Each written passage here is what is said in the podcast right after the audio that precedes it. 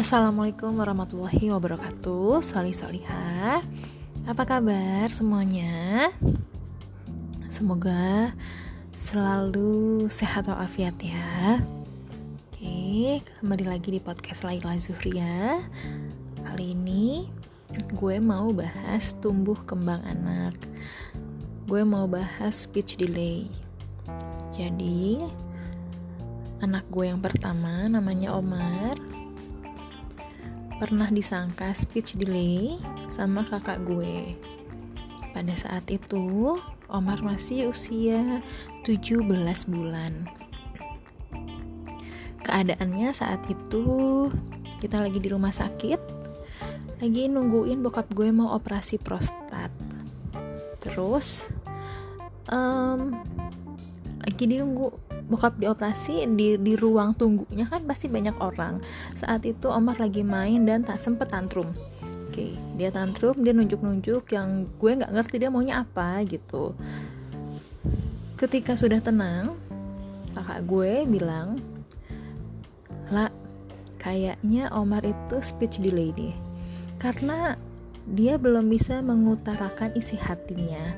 Karena dia tantrum. Dia cuma bisa nunjuk-nunjuk ah ih oh eh oh doang kata kakak gue gitu kan.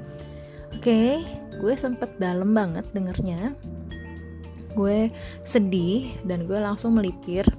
Gue langsung menyendiri. Gue koreksi diri gue sendiri salah gue di mana. Dan selesai bokap gue operasi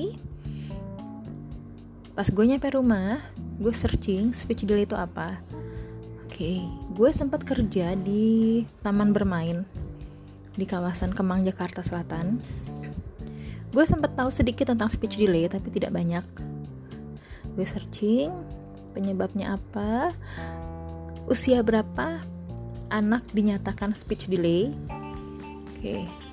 sambil searching gue WA sama uh, guru learning support yang bekerja di taman bermain tersebut ya. Gue tanya tentang si Omar. Menurutnya teman gue itu agak warning sih. Jadi lebih banyak distimulasi ya katanya gitu kan. Oke. Okay. padahal gue pikir stimulasi gue cukup lah ya. Gue gak ngasih dia gadget. Gue sering bacain dia buku. Gue tidak bicara cadel sama anak gue tapi kakak gue bilang dia speech delay. Terus si tante Minut ini juga agak warning sama Omar. Jawabannya belum puas. Gue coba cari jawaban lain dari psikolog yang bekerja sama sama taman bermain tersebut. Oke menurut Bu Vera Omar masih dalam keadaan aman karena anak dinyatakan speech delay ketika usia 2 tahun belum bisa memiliki kosakata yang bermakna. Oke, saat itu kan Omar masih 17 bulan ya. Jadi masih aman. Sampai pada akhirnya gue ke dokter Ferdi, dokter anak langganan gue. Sama jawabannya kayak Bu Vera, masih dibilang aman. Uh, biasanya memang anak sebelum usia 2 tahun masih belum begitu banyak mengeluarkan kosakata yang bermakna. Biasanya itu di usia 2 tahun dia akan meledak kosakatanya. Oke, jadi kita tunggu saja sampai usia 2 tahun. Oke, gue tunggu sampai usia 2 tahun. Dan alhamdulillah banget kosakatanya Omar tuh meledak. Banyak banget kosakata yang dia keluarkan dan jelas. Jadi gue ngerti orang sekitar pun juga paham.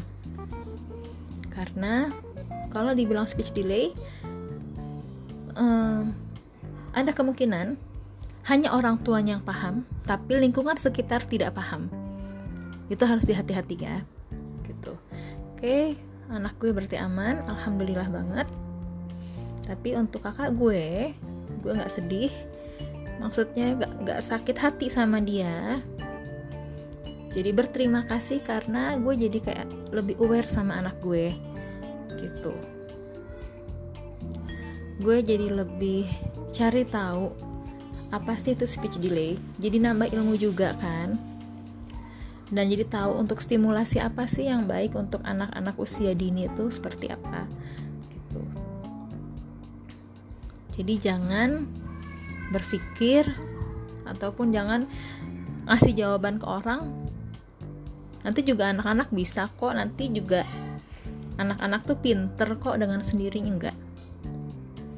Kita kalau mau tahu tuh hmm, omongan-omongan orang yang kita cari tahu dulu kita googling kita searching tanya sama yang ahlinya kita lihat perkembangannya dan kalaupun dibilangin apa-apa sama orang jangan langsung baper. Karena orang tersebut pasti bicara demi kebaikan anak kita kok bukan untuk menjatuhkan gitu. Untuk masalah speech delay sedikit dari gue. Sampai ketemu di podcast berikutnya sama gue mau bahas masalah anak oke okay? segini dulu assalamualaikum warahmatullahi wabarakatuh